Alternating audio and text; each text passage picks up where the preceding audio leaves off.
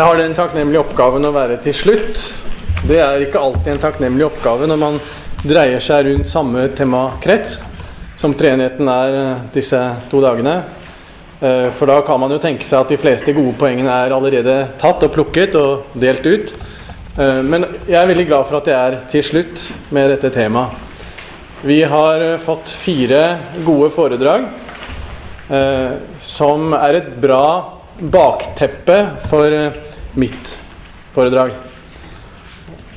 Egentlig så har vi hatt tre foredrag tidligere og én preken, vil jeg nesten påstå. Det som eh, Hans Johan Sagrusten bidro med i går, hadde mange av prekenens eh, kjennetegn. Rent formmessig og innholdsmessig var det forkynnelse vi fikk. Han tok tak i bibeltekster som var aktuelle for tematikken, og la de ut. Og det er predikantens første oppgave. Explicatio legge ut teksten. Og så ga han oss også en anvendelse av tekstene.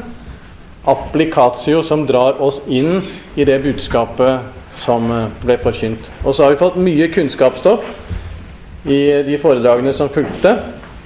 Det er et bra bakteppe for det jeg skal si. Så Jeg kommer også til å bruke noen av de fremmedordene som eh, Knut uh, hadde i sitt foredrag. Og nå har de jo de på plass, i hvert fall noen knagger. Så kan jeg jo si at det er lov å stoppe meg også underveis hvis det er noen av begrepene som uh, må forklares bedre. For at dere skal henge med videre. Men spørsmålet på dagsordenen for min del, det er spørsmålet etter treenigheten i våre prekener. Og det spørsmålet etter treenigheten i våre prekener, det spørsmålet det kan vi høre som eh, et spørsmål om hvordan står det egentlig til med vår forkynnelse, da med tanke på den teologi og det gudsbildet som formidles i forkynnelsen. Det er den bærende teologiske tanken, strukturen, innholdet og det gudsbildet som normalt formidles gjennom forkynnelsen? Ser vi i det vi hører i kirke og forsamlinger og bedehus, andagsliv og ellers, spor hos andagsholdere, predikanter og prester som formidler en levende tro på den treenige Gud. Og der denne troen er avgjørende viktig, og avgjørende viktig i forkynnerens tanke, og dermed skinner igjennom i budskap. Så vi kan stille spørsmålet med basis i hva er det vi erfarer gjennom vår plass som tilhørere til forkynnelse. Spørsmålet etter treenigheten i våre prekener. Hvordan, hvordan er det i praksis? Vi kan også høre spørsmålet prinsipielt. Og da er spørsmålet hvordan bør treenighetslæren gjenspeiles i vår forkynnelse? Det kan jo være en viss avstand mellom det virkelige liv og det som ideelt sett burde vært slik eller sånn. På hvilken vis kan treenighetstroen komme til uttrykk på en meningsfull måte? Og hvilken relevans og virkelighet har i så fall dette? Og Både Hans Johan og Knut har vært innom det, at eh, der har det vært enkelte som har hevdet, med Kant da, som eksponent for det, at i det praktiske har det liten betydning. Og i manges bevissthet ser det ut som det kanskje er slik, men så har begge også vist at det forholder seg annerledes. Men i den forkynnelsen vi hører, og eventuelt også den forkynnelsen vi selv bidrar med når noen av oss har den oppgaven å forkynne, hvordan kommer det til uttrykk? Jeg har lyst til å begynne i det prinsipielle hjørnet og avslutte til slutt med noen refleksjoner rundt den faktiske forkynnelsen. Prekenlære eller homiletikk må alltid stille seg også de prinsipielle grunnspørsmålene. Og et slikt grunnspørsmål for enhver forkynner og for prekenlæren er ganske kort spørsmål om hva som er forkynnelsens oppgave. Enhver forkynner må ha seg det bevisst i bakhodet. Hva er min oppgave nå? Det er på samme måte som alle andre som har en oppgave, må være bevisst seg hvilken oppgave det er man skal løse. Hvilken man har. Det spørsmålet, hva er forkynnerens oppgave, det, det kan besvares med mange ord og på mange måter. Og de trenger ikke å være konkurrerende. Vi kan f.eks. si at i prekenlæren så er det ofte vektlagt det at forkynnerens oppgave eh, det er å legge ut evangelieteksten. Så enkelt som det kan sies å være oppgaven. Kirkeåret foreskriver evangelietekster som forkynneren skal legge ut. Forkynnelsens oppgave er å forkynne lov og evangelium. Man ser Gudsordet som lov og evangelium. Man skal vekte og utlegge dette i lys av den teksten man har, som en grunnoppgave. Forkynnelsens oppgave kan være det, eller man kan ha fokus på det, at forkynnelsens oppgave først og fremst og først og sist er å proklamere Jesus Kristus, hans ord og hans gjerninger. Det er det som er predikantens oppgave. Han er herold, han er en som proklamerer Kristus. Forkynnelsens oppgave kan også fokusere på det at den skal forkynne hele Guds råd til frelse, omvendelse, tro og nytt og hellig liv. Forkynnelsen skal slik sett drive mennesker til det. Forkynnelsens siktemål kan eh, fokuseres på det å være evangeliets nådeord. Det er absolusjonen over tilhøreren eller mottakeren av evangeliet som er forkynnerens oppgave. Når du til slutt skal forkynne evangeliet, og det skal dominere forkynnelsen, så skal enhver forkynnelse nær sagt være absolusjon. Man skal kunne gjennom ordet som nådemiddel motta og høre seg frelst og tilgitt og glad. Og Så kan vi skjønne at de ulike måtene her som jeg har nevnt nå, ikke står nødvendigvis i et konkurranseforhold, men i et innbyrdes forhold. Nemlig at det kan skje samtidig. At man holder seg til evangelieteksten, legger det ut som lov i evangelium, og gjennom det proklamerer Kristus og hans gjerninger og nådeordet som fører oss til både omvendelse, tro og frimodig glede i troen. Derfor så kommer vi ikke lenger eh, ved å stille spørsmålet om forkynnelsens oppgave enn til det å fokusere omtrent slik som jeg nå har gjort. Det holder derfor kanskje med å si at forkynnelsens oppgave, det er primært, og det er å forkynne Guds ord. Det høres kanskje selvsagt ut, men det er ikke alle predikanter som nødvendigvis er seg bevisst akkurat det. Det er det som er forkynnerens oppgave. Forkynne Guds ord. For gjennom forkynnelsen av Guds ord handler Gud. Det er her den grunnleggende troen på forkynnelsen ligger. Troen på meningen med å bære fram Gudsordet i forkynnelse, proklamasjon. Nemlig at det er Gud som er det handlende subjekt i forkynnelsen, der vel å merke Guds ord forkynnes. Overalt hvor Hans ord proklameres i verden, der er Gud virksom, og det er Gud som arbeider. Dette poenget, det har med synet på treenigheten å gjøre. Vi kan nemlig på en måte differensiere mellom de ulike personene i treenigheten og deres handlinger i forkynnelsen.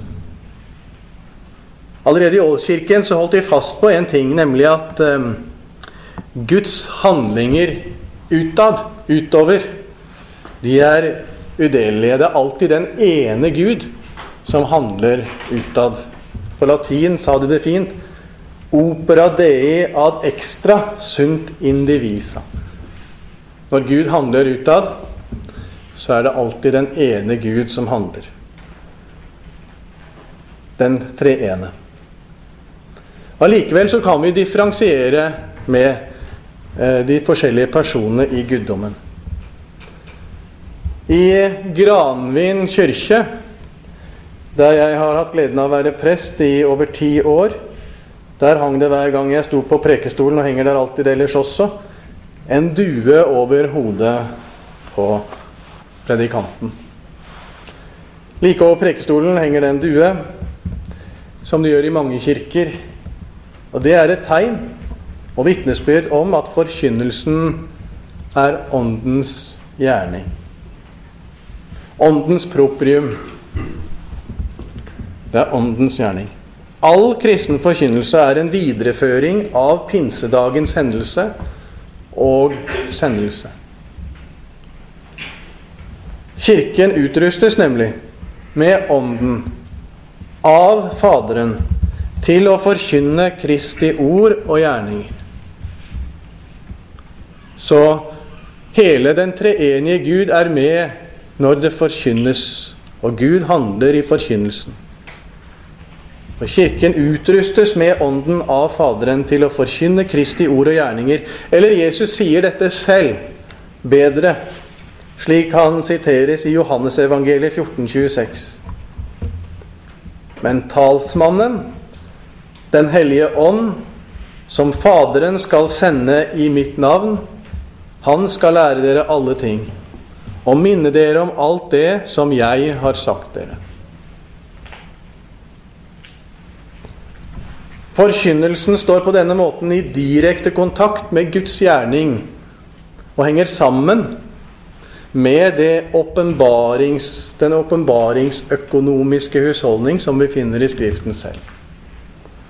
Sendelsen av Ånden er en del av åpenbaringsøkonomien, slik Gud har åpenbart seg for oss. På mange måter så fullføres denne husholdningen med sendelsen av Ånden pinsedag.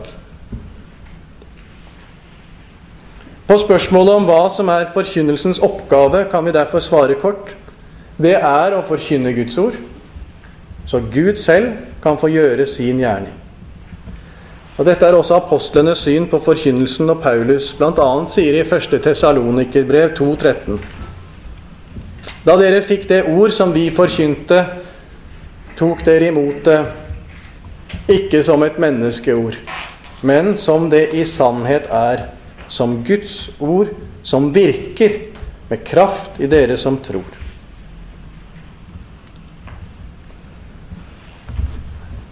Dette at Gud har åpenbart seg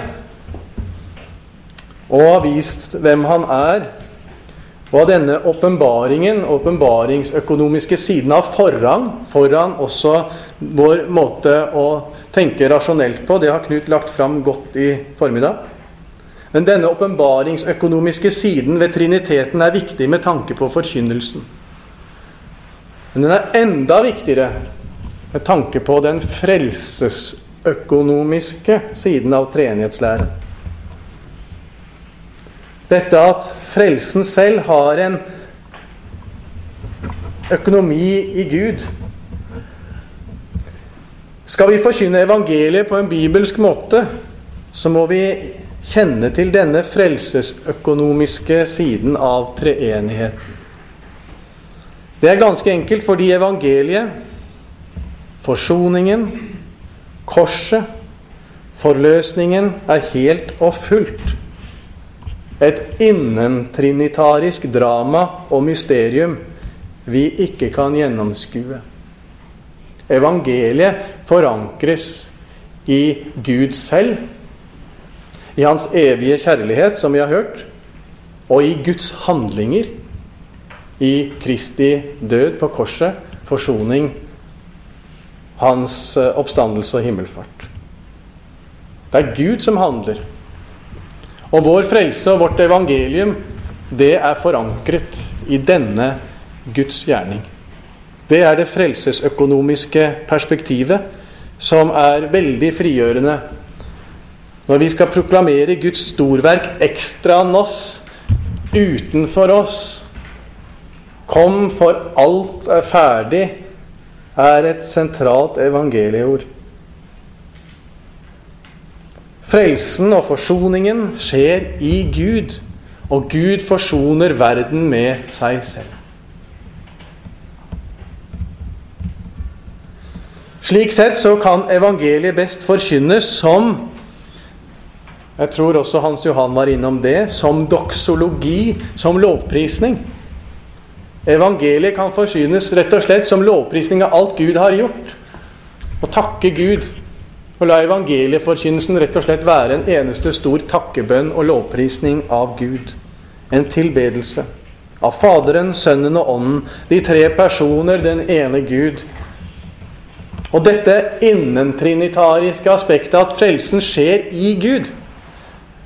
Og det er Gud som bringer alt i rette stand.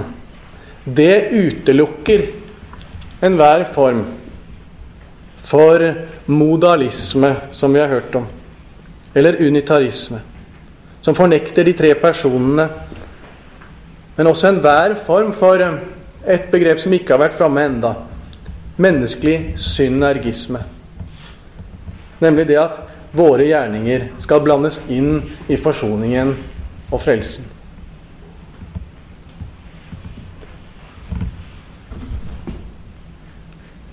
Skapelse og gjenløsning er utelukkende den treenige Guds verk. Og det som Og det er den treenige Gud som virker. Vi møter denne frelsesøkonomiske trinitetslæren med all tydelighet allerede i den første kristne forkynnelsen. Altså Den var der i den helt første kristne forkynnelsen. Og den første kristne forkynnelsen kan stå som modell for forkynnelsen i dag. Lenge før de oldkirkelige symbolene som apostoliske trosbekjennelsen Nikenum og Atanasianum, så har vi modeller allerede i Bibelen på trinitarisk forkynnelse. I første Peters brev da kan vi se på noen få bibelske forbilder. Vi kunne dratt fram mange, men jeg skal bare dra fram noen ganske få. Første Peter 1,2. Så taler Peter om de kristne. Han skriver om de kristne på denne måten. De som er utvalgt av Gud, vår Far. De som er utvalgt slik Gud, vår Far, på forhånd hadde bestemt og ved Ånden innviet til å være lydige, til å bli renset ved Jesu Kristi blod. Frelsesmysteriet, slik vi tar del i det, er den treenige Guds verk, og han setter ord på det. Utvalgt av Faderen, innviet av Ånden, renset ved Jesu blod. Forløsningen i oss, fornyelsen, er den treenige Guds verk, og det kommer eksplisitt til uttrykk på denne måten. For å definere hva en kristen er, så viser Peter her til treenighetens verk. Det er en tidlig kristen forkynnelse. Og tydelig frelsesøkonomisk evangelium. De fire første versene i romerbrevet skal jeg ikke engang lese, bare peke på at der finner vi det samme mønsteret. Romerbrevet innledes med den måten å tenke på om det å være et Guds barn. Og I Romerne 8 og Galaterne 4, som vi også har vært innom tidligere, så har vi dette at et liv i ånden reiser oss opp med Kristus og gjør at vi roper 'Abba, Far'. Åndens liv, delaktighet med Kristus, som setter oss i stand til å kalle Gud vår Far. Så kunne jeg trukket fram mange flere eksempler fra Det nye testamentet. Men kroneksempelet Hvis dere har Bibel, så skal vi også ta oss tid til å bare lese det. Det er kanskje en av de flotteste doksologiene i Bibelen. Samtidig sammenfatter hele dette trinitariske mysterium i en første kristen preken i Efeserne 1, vers 3-14. Det er en relativt lang tekst, krevende tekst, men en fantastisk tekst. Jeg skal lese de. Nå er det litt sånn diskusjon om det skal begynne med 'lovet være Gud' eller 'velsignet være Gud'. Men i den jeg står her nå, så står det 'lovet være Gud', så vi bruker det. Lovet være Gud, vår Herre Jesu Kristi Far. Han som i Kristus har velsignet oss med all åndens velsignelse i himmelen. I Kristus utvalgte han oss, før verdens grunnvoll ble lagt, til å stå for hans ansikt, hellige og uten feil i kjærlighet, og etter sin gode, egen gode vilje avgjorde han på forhånd at vi skulle få rett til å være hans barn ved Jesus Kristus. Til lov og pris for hans herlighet og nåde, som han overøste oss med i ham som han elsket så høyt. I ham har vi friheten, kjøpt med hans blod, tilgivelse for syndene. Så rik er Guds nåde som Han har latt strømme over oss med all visdom og forstand, da Han kunngjorde for oss sin viljes mysterium, det Han gjerne ville gjøre i ham. Han ville fullføre sin frelsesplan i tidens fylde og sammenfatte alt i Kristus, alt i himmelen og på jord i ham. I ham er også vi blitt arvinger, vi som på forhånd var bestemt til det, etter Guds forsett han som gjennomfører alt etter sin egen plan og vilje. Slik skulle vi være til lov og pris for Hans herlighet, vi som alt nå har satt vårt håp til Kristus. I ham kom også dere til tro da dere hørte sannhetens ord, evangeliet om deres frelse. I ham ble dere merket med seilet, Den hellige ånd, som var lovet oss, han som er pantet på vår arv, inntil Guds eget folk blir satt fri til lov og pris for Hans herlighet. Hvis alle predikanter prekte slik, så hadde det vært bra. Det var de bibelske forbildene på tidlig kristen forkynnelse, og vi har det her i fullt monn. Hva så med prekenlærer, homiletiske lærebøker? Hvordan står det til der med fokuset på treenigheten i vår forkynnelse? Jeg har en del av sånne bøker i hylla mi. Jeg har hatt gleden av å undervise i homiletikk på Lærerakademiet i tre år. Og har i den grad også skaffet meg en del litteratur og lest litt i de. Og har også bladd litt i det nå med tanke på dette temaet. Homiletiske bøker, lærebøker i prekenlære, er i svært overraskende liten grad opptatt av treenighetslæren. Det gjelder både gamle og nye homiletiske lærebøker. Vi finner ikke dette tematisert som eget tema, og er også lite reflektert i lærebøkene for øvrig. Hvorfor det? Jeg vet ikke. Kanskje har man tatt treenighetslæren som implisitt gitt i teologenes grunnforståelse og dermed unødvendig å tematisere, for det er jo den grunnleggende teologi man skal ha på plass før man begynner å preke. Jeg vet ikke. Men her tror jeg det med fordel kunne vært sagt og skrevet mer, også blant homiletikere. En som faktisk har kommet på sporet av treenighetslæren i sin prekendefinisjon, det er nåværende biskop i Bjørgvin, Halvor Nordhaug. Jeg har lyst til å gi han kreditt for det. For i sin prekenlære skriver han sitat når han skal definere nær sagt forkynnelsens sentrum, oppgave. Han skriver sitat Min posisjon kan sammenfattes i følgende setning. Kirkens forkynnelse er tjenesten med Guds ord, der Ånden formidler Faderens forløsning av verden i Sønnen Jesus Kristus, og der livet tolkes i lyset fra troen på den treenige Gud står på side 48 i den boken hans, hvis dere vil finne det en gang. Det er en glimrende prekendefinisjon, synes jeg. Den har både skapelses- og forløsningsperspektivet med seg, og den definerer Guds ord som Guds gjerning. Så det er spikeren på hodet. Likevel, og det er det interessante da med å lese hans homiletikk ellers, det er at jeg savner at denne definisjonen får noen materiell utfoldelse i resten av boken. Den står der som en abstrakt definisjon som ikke senere får noen praktisk konsekvens for det som ellers sies.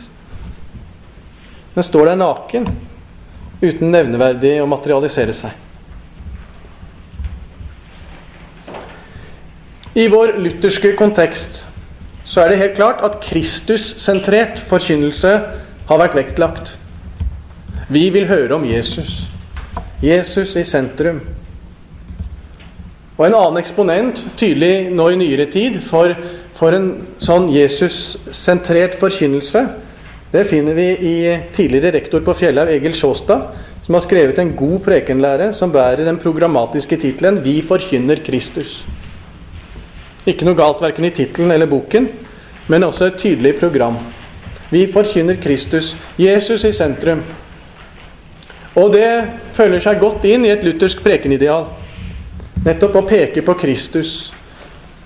Og de som har lest Carl Fredrik Wisløff sin Martin Luthers teologi, vet at på coveret der så er det bilde av Luther på prekestolen som peker på Jesus på korset, og er et slags bilde på hva en predikant skal gjøre. Peke på Kristus på korset. For Calvin, som også var en reformator For han var det høyeste prekenidealet å ære den treenige Gud.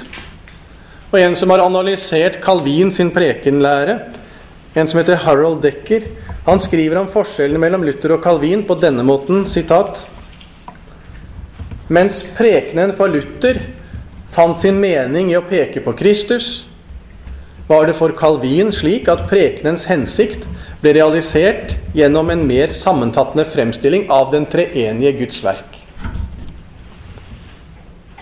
Vi kan tenke oss at en kalvinsk preken er mer fyldig enn en luthersk, fordi Luther er Jesus og Jesus alene og Kristus og hans verk, mens Calvin fokuserte på hele den treenige Guds verk.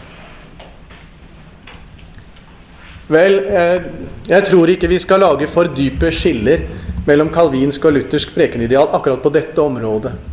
Det er en tendens her, men først og fremst så vil jeg si dette fordi jeg tror akkurat det i hvert fall personen Luther dypt urett.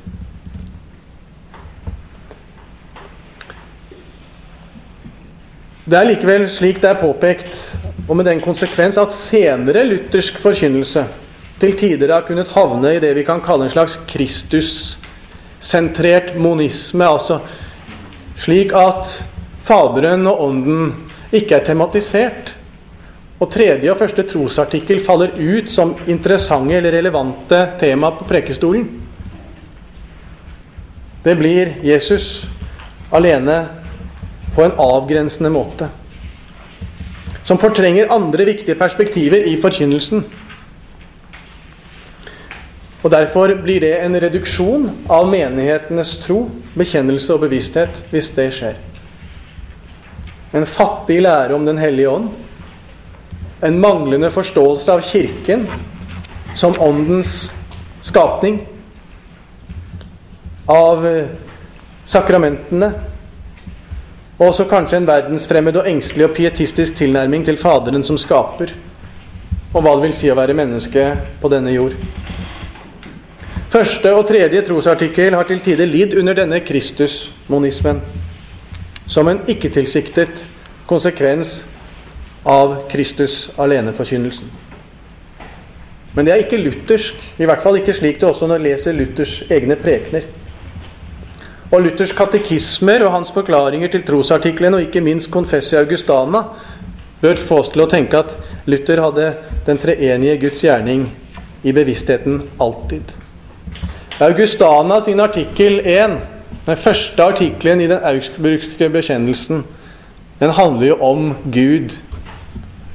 En fantastisk tekst. Vanskelig på mange måter. Men den som trenger inn i Augustana 1, har et teologisk fundament som, ehm, som er uerstattelig. Selv om den ikke kan stå alene, men forholder seg til de oldkirkelige symbolene. Det er et fremragende vitnesbyrd om hvor trykket ligger også i en luthersk tro og teologi. Læren om den treenige Gud. Det er hovedartikkelen i Sea, vil jeg hevde. Og jeg vil også hevde med en spissformulering at alle andre artikler i Sea kan leses som fotnoter og kommentarer til artikkel 1. Luthersk teologi er i høyeste grad trinitarisk. Men dette har gitt seg lite utslag i de homiletiske lærebøkene. Som om homiletikken har levd i sitt egen verden i forhold til dette. Nå har jeg en deloverskrift som heter 'Trinitarisk teologi som den bærende strukturen'. En teolog i den kalvinske tradisjonen, en som heter Johan Leroux, sier at prekenen skal være trinitarisk, og så sier han Enhver preken skal bære vitnesbyrd om Faderen og Sønnen og Den hellige ånd som den ene Gud, som er én og på samme tid er tre atskilte personer. Det er et krav, et kriterium, han stiller til prekenen. Enhver preken skal være vitnesbyrd, bære vitnesbyrd om Faderen, Sønnen og Ånd. Som tre og én. Det kan jeg ikke anbefale. Et slikt krav, i hvert fall formkrav, til prekenen, det kan vi ikke anbefale. Det vil være å presse prekenen og tekstene på en slik måte at det blir kunstig. Og kreve at enhver preken skal inn i denne formen. Det er tross alt, sånn som jeg har innledet med å si, det er teksten som skal fram. Det er teksten som skal utledes. Det er Guds ord som skal legges fram, og gjennom det virker den treende Gud. Men intensjonen til denne kalvinisten kan vi si oss enig i. Enhver preken, og da kan vi si enhver preken, skal kunne gjenspeile et mønster der den våkne tilhører skal kunne gjenkjenne treenighetslæren evangeliet, er bevisst til stede i predikantens tanker og formuleringer. Det skal ikke være helt tilfeldig, det som kommer ut av predikantens munn. Det skal være forberedt med studium og bønn. Og det skal være forberedt med tanke på at det som kommer fram, er sant. Trinitarisk teologi må være den bærende strukturen som ligger under det som sies. Og hvis menigheten er seg det bevisst, så kan dere begynne å prøve forkynnelsen på om den er der. Uten at denne læren, treenighetslæren, nødvendigvis alltid skal komme direkte til uttrykk, så de tre personene og den ene skal sies og komme fram i enhver sammenheng. Et godt hjelpemiddel i så måte, det er rett og slett å ha preposisjonenes plass på Preposisjonenes orden på plass. Jeg vil, jeg vil si altså litt sånn slagordmessig at kristen forkynnelse skal være tilveding. Tilveding. Alt skal ha retning til Faderen. Alt skal skje ved Sønnen. Dette virkes i Den hellige ånd. Og Dette kom også opp i samtalen i går etter eh, foredraget eller prekenen til Hans Johan. Dette til, ved, i perspektivet. Tilveding. Og jeg har i min forkynnelse prøvd å ha den bevisstheten at det er en retning til Faderen, en forløsning ved Sønnen, og at vi får del i dette i Ånden. For den som er oppdratt i Kirkens tidebønntradisjon, vil dette mønsteret ligge der som et grunnmønster gjennom tidebønnenes stadig repetisjon av det lille Gloria, en doksologi. Ære være Faderen og Sønnen og Den hellige ånd, som det var i begynnelsen, så nå og alltid, og i all evighet. Amen. Eller slik enhver prest skal og bør avslutte sin høymessepreken. Med det lille Gloria ære være Faderen og Sønnen og Den hellige ånd, som var og er og være skal, en sann Gud, fra evighet og til evighet. Amen. En klar påminnelse til predikanten og menigheten om det trinitariske mønster. Dersom dette former predikantens bevissthet, vil dette også over tid forme menighetens bevissthet og styrke menigheten i den fulltone trosbekjennelsen til den treene Gud. Vel, det var et langt stykke om den prinsipielle siden, men det får klare seg med det. Hva med dagens forkynnelse? Hva kjennetegner forkynnelsen dere hører? Det skulle vært mer interessant nesten å ha hatt en samtale om det enn at jeg skal stå her og si noen ord om det. For vi erfarer ulikt og hører litt ulikt. Og noen er mer åpne, og andre er mer kritiske til forkynnelsen, og jeg er dessverre en kritisk tilhører. Av og til kunne jeg ønske at jeg var mer åpen og mottagelig. For eh, det jeg opplever når jeg hører forkynnelse, er at de fleste har en god hensikt med det de vil si. Men hva kjennetegner vår tids forkynnelse? Ja, Spørsmålet er jo stort, og det er sammensatt. Og det er altfor stort og sammensatt til å besvares med noen enkle generaliseringer. Men jeg tror jeg tør påstå at bevisstheten om treenighetslærens betydning er svak i mange forkynneres bevissthet. Ikke fraværende, men svak. Nå har ikke jeg gjort noen egen studie av dagens forkynnelse, må derfor ta utgangspunkt i egne erfaringer fra tilhørerbenken. Og Det jeg da synes å erfare, er at forkynnelsen i overveiende stor grad i overveiende stor grad verken er trinitarisk eller kristosentrisk, men antroposentrisk. Den dreier seg om mennesket. Den dreier seg om oss. Sentrum i prekenen er meg og oss som tilhørere. Vår hverdag, vår verdi, våre behov kommer i fokus. Våre erfaringer som så skal prøve å settes inn i en meningsfull åndelig sammenheng. Det virker som mange predikanter ser sin primære oppgave i å bekrefte oss som tilhørere. Nær sagt uansett hva det skulle være, så skal vi bekreftes.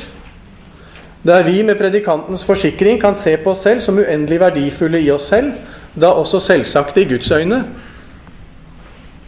der temaer, sentrale temaer i Skriften fornektes eller fortrenges. Direkte eller indirekte.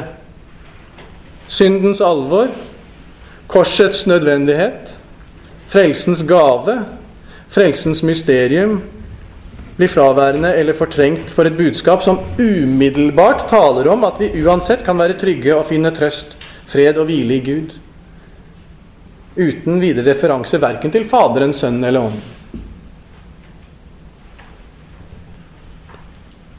Arven fra pietismen og Schleiermacher sin antroposentriske utgangspunkt ligger nok i bakgrunnen og har i vår mer sekulariserte kontekst ført til en forkynnelse som i mange henseende har fortrengt Gud og hans gjerninger. Jeg skulle ønske jeg kunne si at dette er noe som bare gjelder liberale og sekulære predikanter og teologer, men dessverre synes jeg at denne tendensen langt inn i bedehusforkynnelsen så vel som hos såkalte konservative kristne på Vestlandet, hvor jeg selv bor. Jeg vet ikke tallet på alle de andakter og prekener jeg har hørt om hvor verdifull jeg er, uten videre referanse til noe særlig mer. Predikanter sporer av allerede i dette at forkynnelsen tar utgangspunkt i tilhøreren.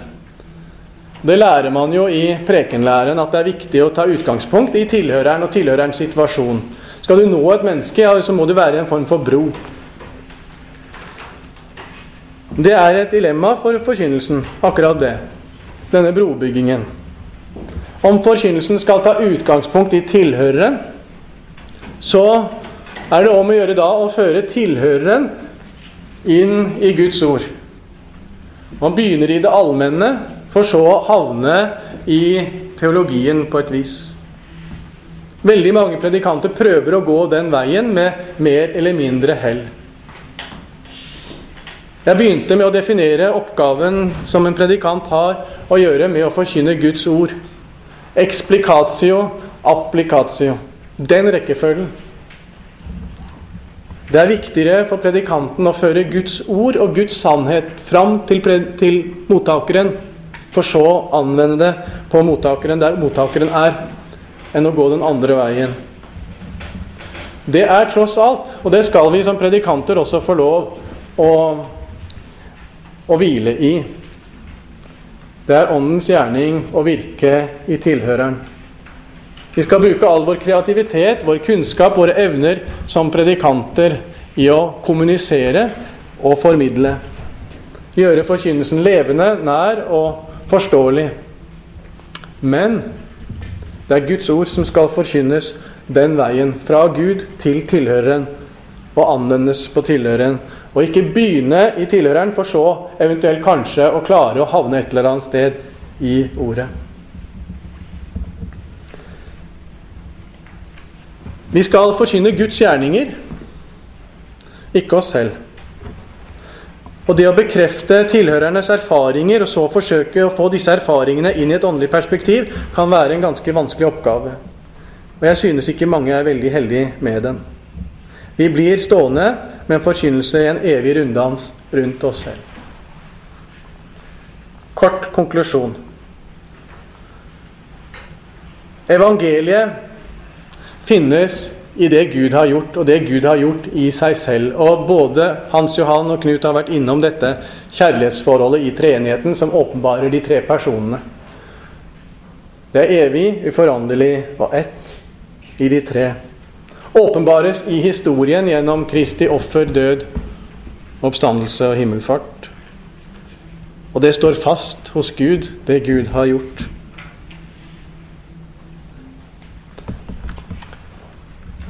Alle avveier, enten det er i teologien eller i forkynnelsen, kan sies der man tar utgangspunkt et annet sted enn i dette, nemlig i det antroposentriske.